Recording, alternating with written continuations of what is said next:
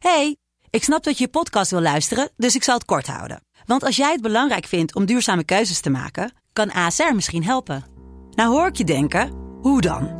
Nou, bijvoorbeeld bij het duurzaam herstellen van schade. Of de premies die we beleggen volgens ons duurzaam beleggingsbeleid. Dat bepaalt waar we wel en juist niet in investeren.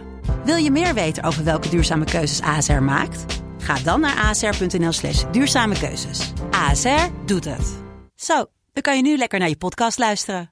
Hey, ik snap dat je je podcast wil luisteren, dus ik zal het kort houden. Want als jij het belangrijk vindt om duurzame keuzes te maken, kan ASR misschien helpen. Nou hoor ik je denken, hoe dan? Nou, bijvoorbeeld bij het duurzaam herstellen van schade. Of de premies die we beleggen volgens ons duurzaam beleggingsbeleid. Dat bepaalt waar we wel en juist niet in investeren.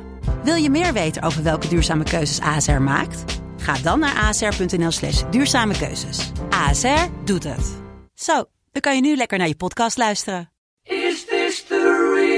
Dit is Mand, de kortste podcast van Nederland. Vandaag gaan we het hebben over Call of Duty, Warzone. Ja, welke Ganu heb jij in je loadout? Kona? Ganu. Kanu? In je loadout. Ik heb een M4A1. Ik heb een M17. En als je in de gulag bent, blijf je dan staan of... Meestal jump ik.